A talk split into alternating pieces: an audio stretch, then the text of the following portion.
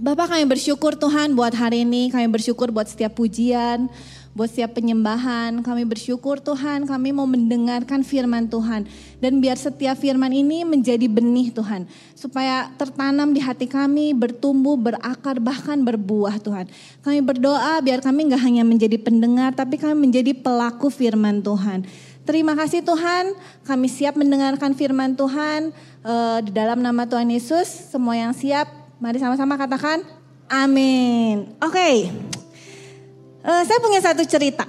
Tahun 2008, 2009 itu masa-masa saya lagi PDKT sama Gideon yang jadi suami saya hari ini. Nah hari itu mix feeling banget ya happy, uh, berbunga-bunga pastinya. Tapi agak deg-degan juga karena hari itu mama saya belum agak serak gitu sama Gideon ini. Biasa kan anak bungsu ya. Jadi ini terakhir ini siapa ini tiba-tiba dateng gitu ya. Enggak berambut ini langsung ini siapa San ini siapa gitu. Wah langsung panik gitu mama saya. Nah uh, jadi dia berusaha dengan keras untuk menaklukkan hati mama saya. Nah satu hari uh, karena ini mau uh, Chinese New Year jadi dia kirim sesuatu ke rumah. Wah saya udah deg-degannya ini dia mau kirim apa nih ke rumah. Terus ada bapak antar paket, Pak, e, Bu ini mau antar e, paket dari Bapak Gideon katanya. Wah saya ini dia mau kasih apa ya? Mau kasih makanan gitu ya. Biasanya kalau Chinese New Year kasih makanan lah, kasih buah, kasih apa gitu. Nah waktu saya buka pintunya, si bapak ini nggak kasih saya makanan, nggak kasih saya buah atau coklat atau apa gitu nggak.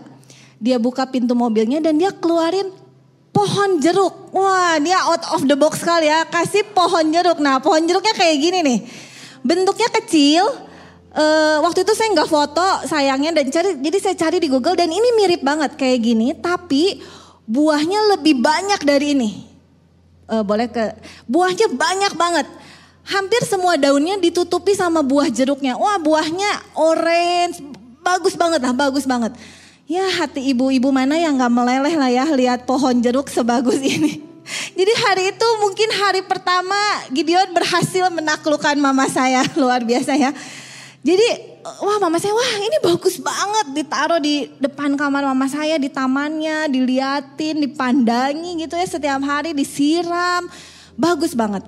Nah satu kali kita coba petik buahnya ini karena kayaknya enak banget ya buahnya orange gitu. Kita petik buahnya, kita coba kupas waktu dimakan rasanya ya Allah asem banget. Asem banget, aduh ini bener-bener ya sih gini. Jadi mama saya, ini asem banget buahnya gak bisa dimakan. Tapi mama saya masih berpikir positif. Mungkin nanti kalau udah besaran dikit pohonnya jadi lebih manis katanya. Jadi kita tunggu, kita tunggu. Makin lama makin tinggi betul, tapi buahnya makin lama makin berguguran. And then ya, habislah semua buahnya. Jadi kita tunggu lagi, kita tunggu lagi, dipindahkan ke pot yang lebih besar supaya dia bisa lebih tinggi lagi. Betul, makin lama makin tinggi, makin tinggi. And then berbuah lagi. Wah mama saya udah happy. San, pohon jeruknya ada jeruknya lagi. Wah kita tunggu lagi dari satu, dua. Jadi makin banyak, makin banyak. Jadi uh, makin orange, makin orange. Wah pokoknya jadi banyak lagi. Pohonnya lebih besar, lebih banyak. And then kita coba petik lagi kita coba petik lagi. Dan waktu kita coba ternyata rasanya masih asem. Oh asem banget, banget sampai nggak bisa dimakan. Jadi mama saya bingung, telepon ke tukang tanaman langganan. Ini udah expert banget sih bapak. Si bapak datang ke rumah, dia cek semuanya, terus dia bilang gini. Bu, memang pohon jeruk ini memang diperuntukkan hanya untuk pajangan. Enggak hanya enggak untuk dinikmati katanya. Oh, jadi saya baru tahu ternyata ada ya pohon buah yang hanya bisa jadi pajangan, nggak bisa dinikmati. So hari ini bagaimana dengan kekristenan kita hari ini Bapak Ibu Saudara? Mungkin saya saya percaya banget semua Bapak Ibu Saudara yang di sini rajin banget ke gereja. Pandemi Covid lagi naik katanya, tapi semua masih datang ke sini, masih beribadah, masih excited saya percaya banget semua kita rajin ke gereja, rajin komsel mungkin ya. Seminggu bisa dua kali, tiga kali komsel. Rajin melayani. Atau mungkin Bapak Ibu di marketplace sukses, di pekerjaan sukses, bisnis berhasil. Apakah itu cukup berbuah? Ya itu berbuah. Tapi apakah buahnya kita bisa dinikmati sama orang atau cuman jadi pajangan seperti pohon jeruk tadi. Nah, maksudnya apa sih berbuah tapi bisa dinikmati orang? Maksudnya apa sih? Kita buka ayat firman Tuhan di Yohanes 15 ayat 16. Yohanes 15 ayat 16. Boleh kita baca sama-sama ya, Yohanes 15 ayat 16. Boleh satu, dua, tiga. Bukan kamu yang memilih aku, tetapi akulah yang memilih kamu. Supaya kamu pergi dan menghasilkan buah. Dan buahmu itu tetap. Supaya apa yang kamu minta kepada Bapa dalam namaku, diberikannya kepadamu. So, waktu saya baca ayat ini, uh, saya lihat bahasa aslinya. Buah dalam bahasa aslinya, bahasa Yunani itu adalah karpos. Yang artinya adalah keturunan. So Tuhan memilih kita dibilang bukan kamu yang memilih, uh, tapi aku yang memilih kamu katanya. Kita itu orang-orang pilihannya Tuhan. So kita dipilih Tuhan untuk pergi dan menghasilkan buah. Buahnya itu artinya keturunan. Artinya Tuhan suruh kita pergi menghasilkan keturunan, menghasilkan jiwa-jiwa. So untuk itulah kita dipanggil.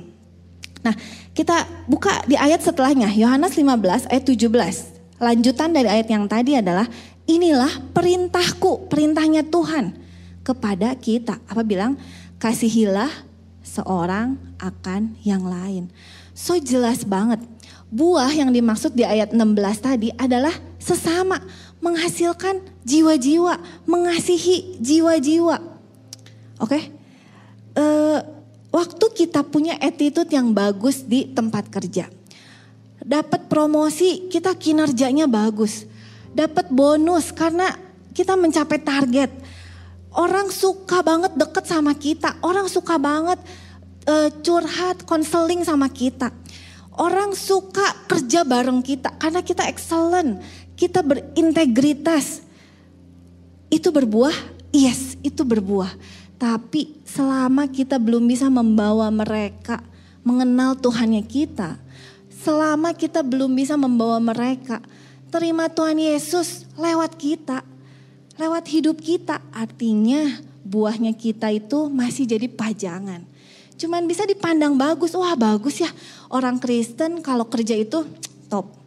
Orang Kristen kalau kerja bareng orang Kristen itu pasti cuan, pasti untung, pasti jujur. Nggak mungkin lah ditipu-tipu. Tapi kalau kita belum bisa bawa mereka untuk kenal Tuhannya kita, buahnya kita masih jadi pajangan. Belum bisa dinikmati.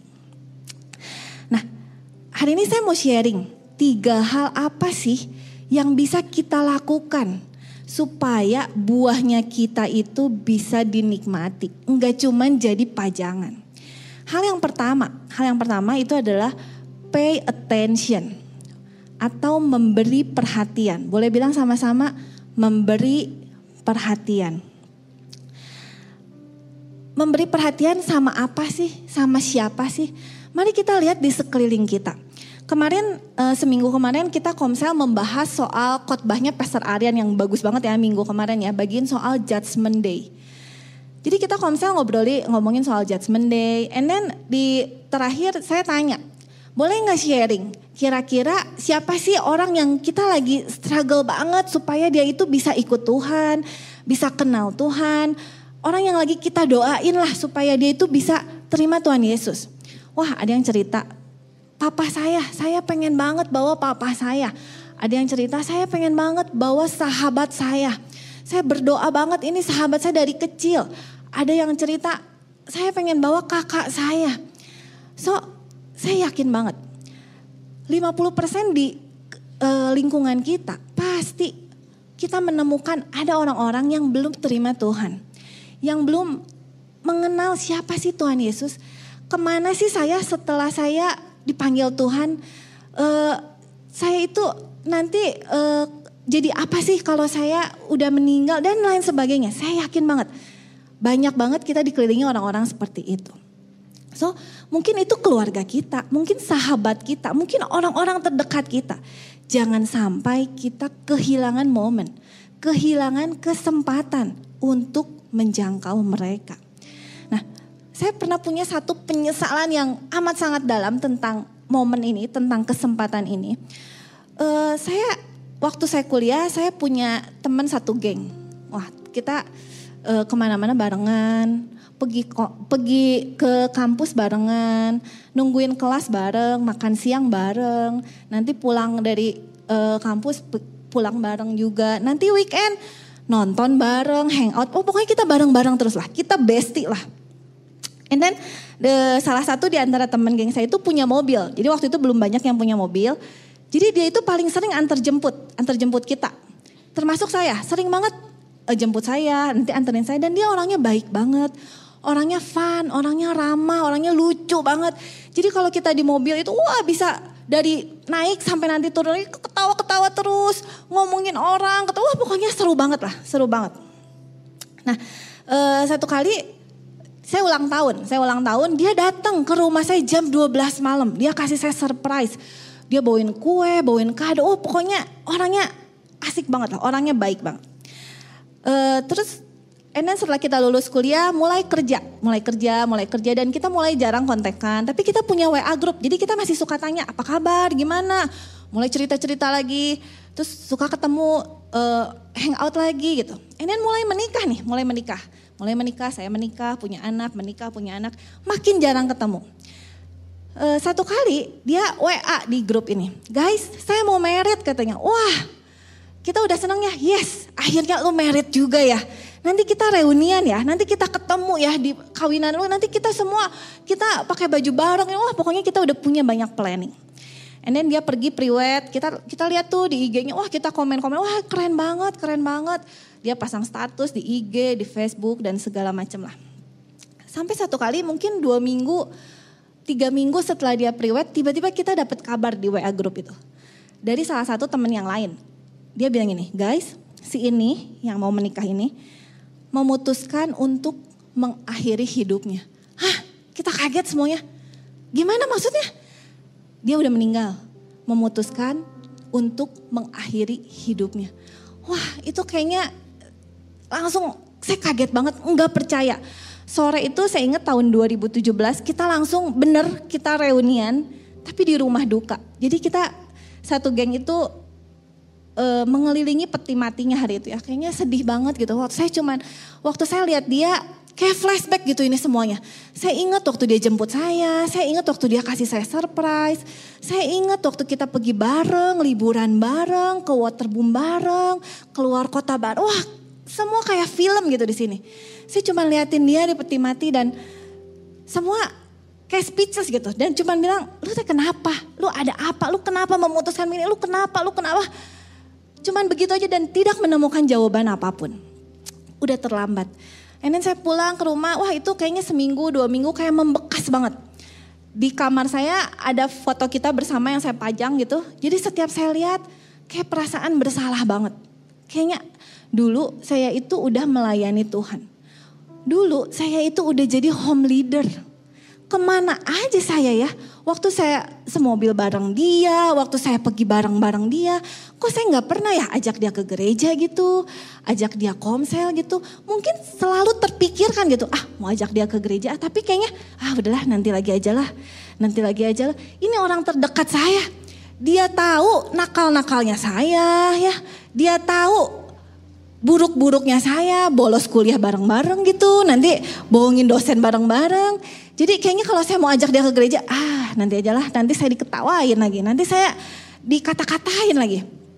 Tapi memang paling susah ajak orang dekat itu untuk orang terdekat untuk kita bawa dia mengenal Tuhan. Kenapa sih terintimidasi ya?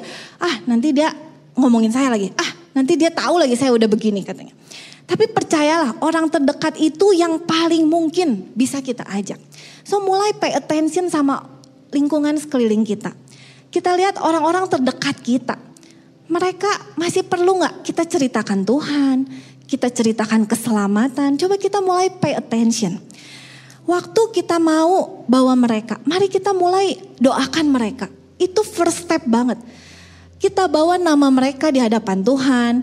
Ada satu quote yang bagus dari D.L. Moody, seorang penggambar Injil. Dia bilang gini, We must talk to God about people before we talk to people about God.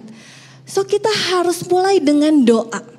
Waktu kita udah pay attention nih, kita tahu wah Tuhan kayaknya menempatkan dia untuk di hati saya nih. Saya mau bawa dia. Mungkin ke Natal kita mau bawa dia. Mungkin kita mau ajak dia ke komsel. Mari mulai dengan berdoa. Saya percaya waktu kita mulai berdoa buat mereka.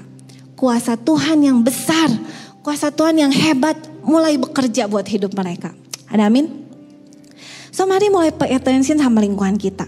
Sama orang-orang yang ada di sekeliling kita. Oke. Okay. Poin yang kedua. Hal yang bisa kita lakukan supaya hidupnya kita bisa berbuah dan dinikmati orang. Yang kedua adalah put effort atau berusaha. Boleh bilang sama-sama berusaha. Nah, Alkitab bilang ini, saya yakin semua tahu amanat agung Tuhan Yesus ya. Pergilah, jadikanlah semua bangsa muridku katanya. Uh, atau di Yohanes 15 ayat 17 dia bilang kasihilah sesamamu katanya. Pergilah, hasilkanlah buah, hasilkanlah jiwa-jiwa. Di Amsal bahkan ada yang bilang ini, orang yang memenangkan jiwa akan bersinar dalam kerajaan Allah seperti bintang di langit katanya. Tapi dalam kenyataannya nggak semudah itu, bener gak sih? Untuk bawa orang, untuk uh, untuk jangkau orang. Kemarin waktu di Komsel kita cerita tuh, ada yang cerita, aduh saya tuh pengen banget bawa saudara saya. Tapi susah banget, setiap mulai ngomong dia bilang, ah kamu tahu apa sih, kamu anak kecil. Setiap mulai ajak dia, ah kamu gak sopan ngomongin orang tua. Kayaknya susah banget. Atau mungkin kalau kita mau ajak teman kita, atau siapa pun lah, kayaknya nggak semudah itulah, nggak semudah pergilah, jadikanlah semua bangsa muridku. Aduh Tuhan, nggak semudah itu kayaknya. But kita mau buka ayatnya di Lukas 14 ayat 16 sampai 23. Saya mau ceritain ini perumpamaan tentang seorang tuan yang mau mengadakan pesta di rumahnya. Nah, ini perumpamaan yang Tuhan kasih dan dia pengen tahu, pengen kasih tahu kita bagaimana kita harus put effort waktu kita mau menjangkau orang di luar sana ternyata susahnya cari jiwa itu nggak terjadi sekarang aja. Tapi dari zaman Tuhan Yesus masih ada di dunia ini. Kita lihat Lukas 14 ayat 16 sampai 23. Saya bacain ya, ayat 16. Tetapi Yesus berkata kepadanya, ada seorang mengadakan perjamuan besar dan ia mengundang banyak orang. Ayat 17-nya, menjelang perjamuan itu dimulai, ia menyuruh hambanya mengatakan kepada para undangan, marilah sebab segala sesuatu sudah siap. Dia mengatakan kepada para undangan. Artinya orang-orang ini udah dapat undangan, bener nggak? Ini kali keduanya didatangin, dijemput, divisitasi untuk datang. Nah tapi apa yang terjadi? Kita lihat di ayat 18. Tetapi mereka bersama-sama meminta maaf. Ini penolakannya sama-sama ini. Yang pertama berkata kepadanya, aku telah membeli ladang dan aku harus pergi melihatnya. Aku minta dimaafkan katanya. Sorry sis, sorry bro, aku gak bisa gitu. Ayat 19 nya bilang ini, yang lain berkata, aku telah membeli lima pasang lembu kebiri dan aku harus pergi mencobanya. Sorry ya, aku minta dimaafkan lagi katanya. Yang ayat 20 nya bilang ini, yang lain berkata, aku baru kawin dan karena itu aku tidak dapat datang. Nah ini yang sering terjadi, bener gak? Waktu kita ajak orang, Seribu satu alasan kayaknya untuk nolak kita. Aduh sorry, nggak bisa tinggalin kerjaan. Aduh sorry, anak-anak nggak bisa ditinggalin. Aduh sorry, uh, kerjaannya sibuk banget lagi banyak proyek. Aduh sorry, aduh sorry, aduh sorry. Minta maaf. Nah ini udah terjadi dari zaman Tuhan Yesus ada. Ayat kedua satunya, ayat 21 satunya ini gimana uh, respon tuannya. Maka kembalilah hamba itu dan menyampaikan semuanya itu kepada tuannya. Lalu murkalah tuan rumah itu dan berkata kepada hambanya. Nah apa yang dikatakan lagi kepada hambanya? Pergilah, dia suruh pergi lagi. Suruh berusaha lagi. Suruh put effort lagi. Dengan segera ke segala jalan dan lorong kota dan bawalah kemari orang-orang miskin dan orang-orang cacat dan orang-orang buta dan orang-orang lumpuh katanya. Di ayat ke-22-nya si hambanya benar dia pergi lagi. Kemudian hamba itu melaporkan, Tuhan apa yang Tuhan perintahkan itu sudah dilaksanakan. Tetapi sekalipun demikian masih ada tempat. Ayat ke-23 ini respon tuannya. Dia bilang ini, lalu kata Tuhan itu kepada hambanya, Pergilah, suruh pergi lagi. Ini udah bolak balik nih hambanya. Pergilah lagi, berusaha lagi, put effort lagi. Dan dia bilang apa? Paksalah orang-orang yang ada di situ masuk karena rumahku harus penuh. Put effort lagi, berusaha lagi. Bahkan terakhir bilang paksalah. Memang sometimes waktu kita mau ajak orang, kita harus paksa. Bukan paksa secara literally kita seret gitu dia udah lalu ke gereja lah gitu. No, no, no, tapi mungkin paksa secara roh. Kita harus memaksa mereka secara roh. Berdoa buat mereka mungkin kita doa, puasa, kita peperangan, merebut roh mereka di alam roh. Itu memaksa secara roh. And then kita paksa juga diri kita sendiri untuk apa? Untuk gak menyerah. Keep going. Terus aja ditolak, berusaha lagi ditolak, berusaha lagi, ditolak, berusaha lagi. Paksalah. Nah, saya punya satu testimoni. Ini uh, testimoninya anak rohani saya. Anak rohani saya namanya Adi dan Cindy. Nah, semua pasti nggak nggak nggak asing ya Adi dan Cindy. Saya punya fotonya enggak? Nah, Adi dan Cindy. Cindy itu hari ini melayani uh, kalau yang sering nemenin anak-anaknya di Sikit pasti Ingat banget ini mukanya Cindy. Adi hari ini melayani jadi security. Tadi ada di depan sana. So Adi dan Cindy ini tahun 2015 dia ajak salah satu temennya untuk komsel, salah satu sahabatnya tahun 2015 ya. Tahun 2015 dia ajak temennya untuk komsel. Siapa temennya? Namanya David dan Monik. Nah ini juga pasti nggak nggak asing nih David dan Monik kalau suka anterin anak-anak ke Sikit, Monik suka ada di depan di registrasi tuh. David selalu ada di with staff. Nah boleh nanti dibeli ya produk-produk with staffnya ya guys. Iklan-iklan. Nah dia tahun 2015 ini Adi sini ini ajak David Monik untuk komsel. Tapi David Monik ini nggak mau komsel. Alasannya karena jauh, eh, banyak alasan lah. Waktu saya tanya, Mon kenapa sih waktu itu lu nggak mau komsel? ya males aja lah takut terlalu rohani kalau komsel katanya. kalau ketemu, nah, males lah ketemu orang-orangnya gitu. Banyak alasan. Jadi si Cindy ini, wah dia udah put effort banget. Setiap mau komsel dia bilangnya. Monik bilang, nih cerita ke saya. Gak pernah kayaknya Cindy kelewat untuk telepon. Mohon ayo kita komsel. Gak mau. Minta dimaafkan tadi kayak di ayat tadi. Maaf ya. Mohon ayo kita komsel. Nanti minggu depan, mohon ayo kita komsel uh, Cindy itu rumahnya di Kopo guys, di TKI ya, di Kopo. David Monik ini rumahnya di Gunung Batu. Nah, dia mau ajak David Monik ini komsel di salah satu komsel di area kita itu paling deket di Setiabudi. Nah, jadi Cindy itu jemput dari Kopo ke Gunung Batu, and then anterin ke Setiabudi, terus dia pulang lagi. Si Mon Monik sampai ngomong ini, Sin, lu yakin mau jemput gua? Yakin. Lu sinting ya sampai sama Monik digituin. Lu sinting ya? Beneran lu mau jemput gua? Bener kan? Dia put effort, dia berusaha. Tapi apakah David Moniknya mau ke gereja? Enggak juga tuh. Mau komsel? Enggak juga tuh. Aduh ini bener-bener ya David Monik ya. Nah tahun 2017 Isisi pindah ke BTC ya. Tadinya kan kita di Mayapada. Terus kita pindah nih ke BTC. Saya ingat tuh baru sekali kayaknya kita khotbah di BTC. Adi dan Cindy ini langsung datang sama kita. Sanggit, kita harus bikin komsel di BTC. Hah? Bikin komsel? Ini komsel yang sekarang aja masih belum beres ya. Masa bikin komsel baru lagi? Iya, harus. Kita harus buka satu komsel lagi nih di BTC. Demi satu jiwa. Siapa kata saya. Terus dia cerita.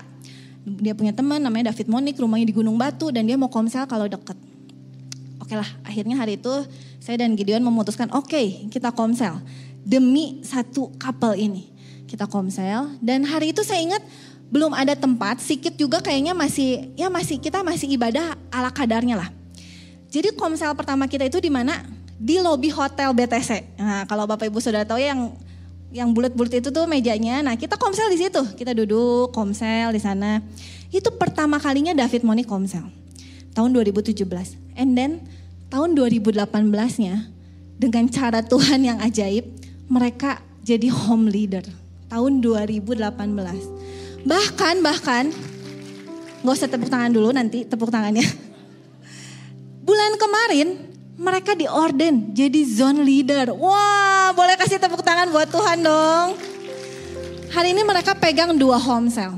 So saya nggak kebayang ya, waktu tahun 2015 kalau Adi Cindy menyerah hari itu.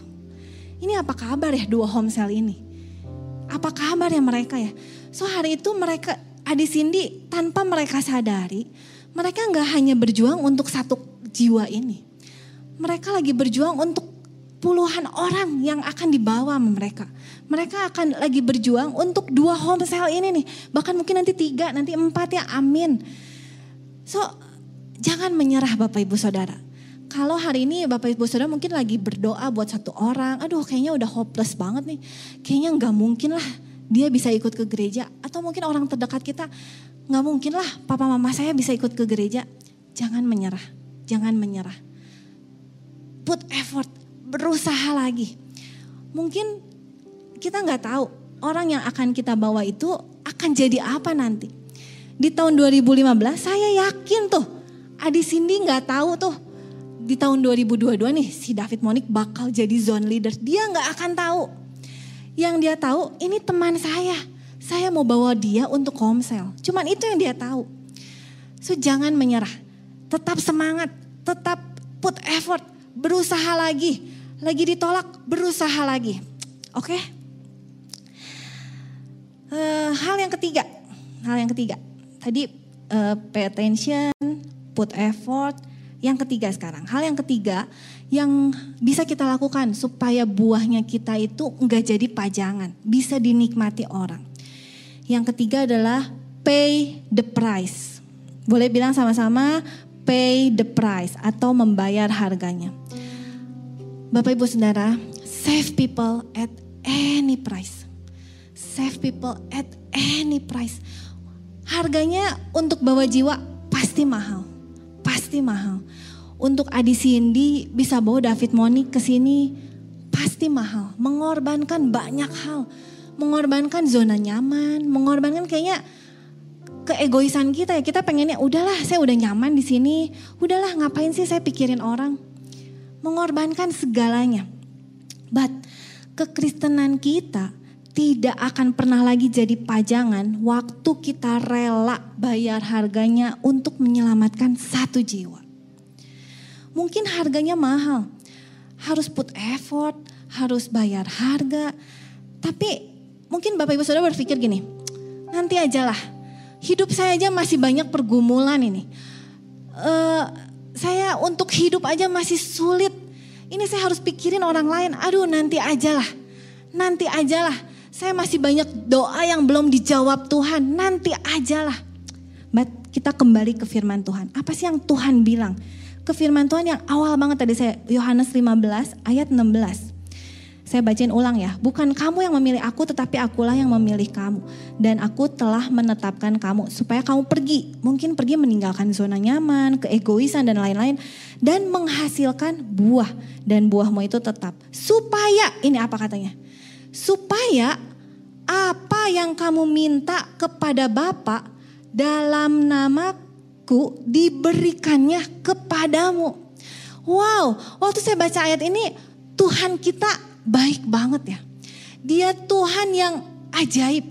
Dia seperti seorang bapak memberikan tugas nih sama anaknya. Kasih project, pergi, uh, hasilkan jiwa-jiwa, hasilkan buah, pergi, put effort, bayar harganya. Tapi ada janjinya Tuhan. Dibilang supaya apa yang kamu minta kepada Bapak dalam namaku diberikannya kepadamu. Waktu kita pikirin hartanya Tuhan, hartanya Tuhan itu apa sih? Jiwa-jiwa. Tuhan yang akan pikirin hartanya kita. Hartanya kita apa sih? Kehidupan kita mungkin, keluarga kita, anak-anak kita, pekerjaan kita, bisnis kita, itu hartanya kita. But waktu kita pikirin hartanya Tuhan, Tuhan yang akan pikirin hartanya kita. Kalau kemarin Pastor Aryan uh, khotbah dia bilang gini, kalau Bapak Ibu Saudara dikasih 10 juta untuk bawa jiwa. Saya yakin itu bercanda ya, jangan ada yang tagih uang 10 juta ke Pastor Aryan. But ini Tuhan yang bilang loh, more than 10 juta. Tuhan bilang, apa aja, apa aja, apa aja tuh apa sih? Ya apa aja. Apa pun yang kamu minta katanya. Apa pun yang jadi pergumulan doa kamu. Apa pun yang kamu minta dalam namaku diberikannya kepadamu. Kalau kita menghasilkan buah, menghasilkan jiwa-jiwa. So, itu tiga hal yang bisa saya sharing. Saya mau tutup dengan satu cerita. Uh, bulan September tahun 2014, so, uh, seorang pastor Rick Warren, saya tahu semua tahu ya Rick Warren, penulis buku terbaik, salah satu uh, bukunya itu Purpose Driven Life. Dia uh, menulis sebuah cerita di Facebook. Judulnya Why I Do What I Do. Kalau Bapak Ibu Saudara mau baca cerita komplitnya ini bagus banget. Cari di Facebooknya Pastor Rick Warren. Masih ada, kemarin saya masih buka. Dia men, uh, dia menceritakan kisah ayahnya, Pastor Jimmy Warren. Selama hidupnya, Pastor Jimmy Warren ini sudah membangun 150 gereja Bahkan di awal tahun 90-an dia menyelamatkan puluhan ribu jiwa di Iran dengan membangun sumber mata air. Jadi hari itu lagi krisis air, banyak ya uh, udah mau yang uh, kritis sekarat, dia bangun sumber mata air. Uh, pada masa tuanya, Pastor Jimmy Warren ini mengalami penyakit cancer. Jadi dia harus di kemoterapi. So dalam perjuangannya melawan cancer dan efek kemo ini, dia masih bilang nih sama Rick Warren, saya mau bangun satu gereja lagi. Terus Pastor Rick Warren bilang, Dad, kamu itu udah sakit. Kamu itu udah lemah, udahlah istirahat aja. Tapi Jimmy Warren bilang, no, saya mau bangun satu gereja lagi katanya. Oke, okay, mau bangun di mana? Terus dia bilang, saya mau ke Siberia. Saya mau bangun gereja di Siberia. Hari itu umurnya 80 tahun, bisa bayangkan ya? Umur 80 tahun, punya penyakit cancer, lagi fight banget dengan kansernya, lagi fight banget dengan efek kemoterapinya. Dia membangun sendiri gereja dan lagi itu lagi musim dingin dibilang musim dingin banget dia membangun sendiri gerejanya. Kadang-kadang dia sampai udah gak kuat dia tiduran gitu ya dia berlutut. Saking dia udah lemahnya tapi itu dia lakukan dia lakukan lagi karena dia percaya waktu dia bangun gereja akan banyak jiwa yang diselamatkan dia bilang gitu and then uh, singkat cerita, di malam terakhir sebelum Pastor Jimmy Warren dipanggil Tuhan. Jadi hari itu dia udah lemah, udah terbaring di ranjang dan dikelilingi sama Rick Warren, sama istrinya. Uh, dia udah dibilangnya udah dying, udah koma. Tapi dia berusaha terus untuk bangun. Dia berusaha untuk bangun lagi. Istrinya Rick Warren bilang, Dad, kamu tuh udah lemah. Apa yang kamu perlukan? Nanti saya ambilin. No, dia berusaha bangun lagi. Dia berusaha bangun lagi. Dad, apa yang kamu mau? Dia bilang gitu. Dan tau gak jawabannya Pastor Jimmy Warren ini apa? Dia bilang, I've got to save one more for Jesus. One more for Jesus. One more for Jesus. Dia, itu terus dia ulang-ulang sampai dia meninggal. So Rick Warren nangis dan dia cuma bilang ini legacy yang Tuhan taruhkan. So why I do what I do today? Apa yang Rick Warren hari ini lakukan itu cuman karena want to reach one more for Jesus. So Bapak Ibu Saudara, hari ini di mana pun Tuhan menempatkan kita. Mungkin di marketplace, mungkin kita masih kuliah, mungkin di mana pun Tuhan menempatkan kita. Siapa pun kita, umur berapapun kita, jabatan apa pun yang mungkin ada di pundak kita hari ini. Mari pastikan hidup kita berbuah. Dan buahnya kita bisa dinikmati sama orang banyak. Let's reach one more for Jesus waktu kita udah mau kayaknya kayaknya saya udah males lah. Saya udah males lah bawa-bawa orang. Let's reach one more for this. Ini jadikan hashtagnya hidup kita. One more for Jesus. Ke mana-mana kita ingat one more for Jesus. Waktu kita udah mau menyerah, one more for Jesus. Waktu kayaknya kita udah hopeless nih lihat orang. Ah enggak lah kayaknya dia susah.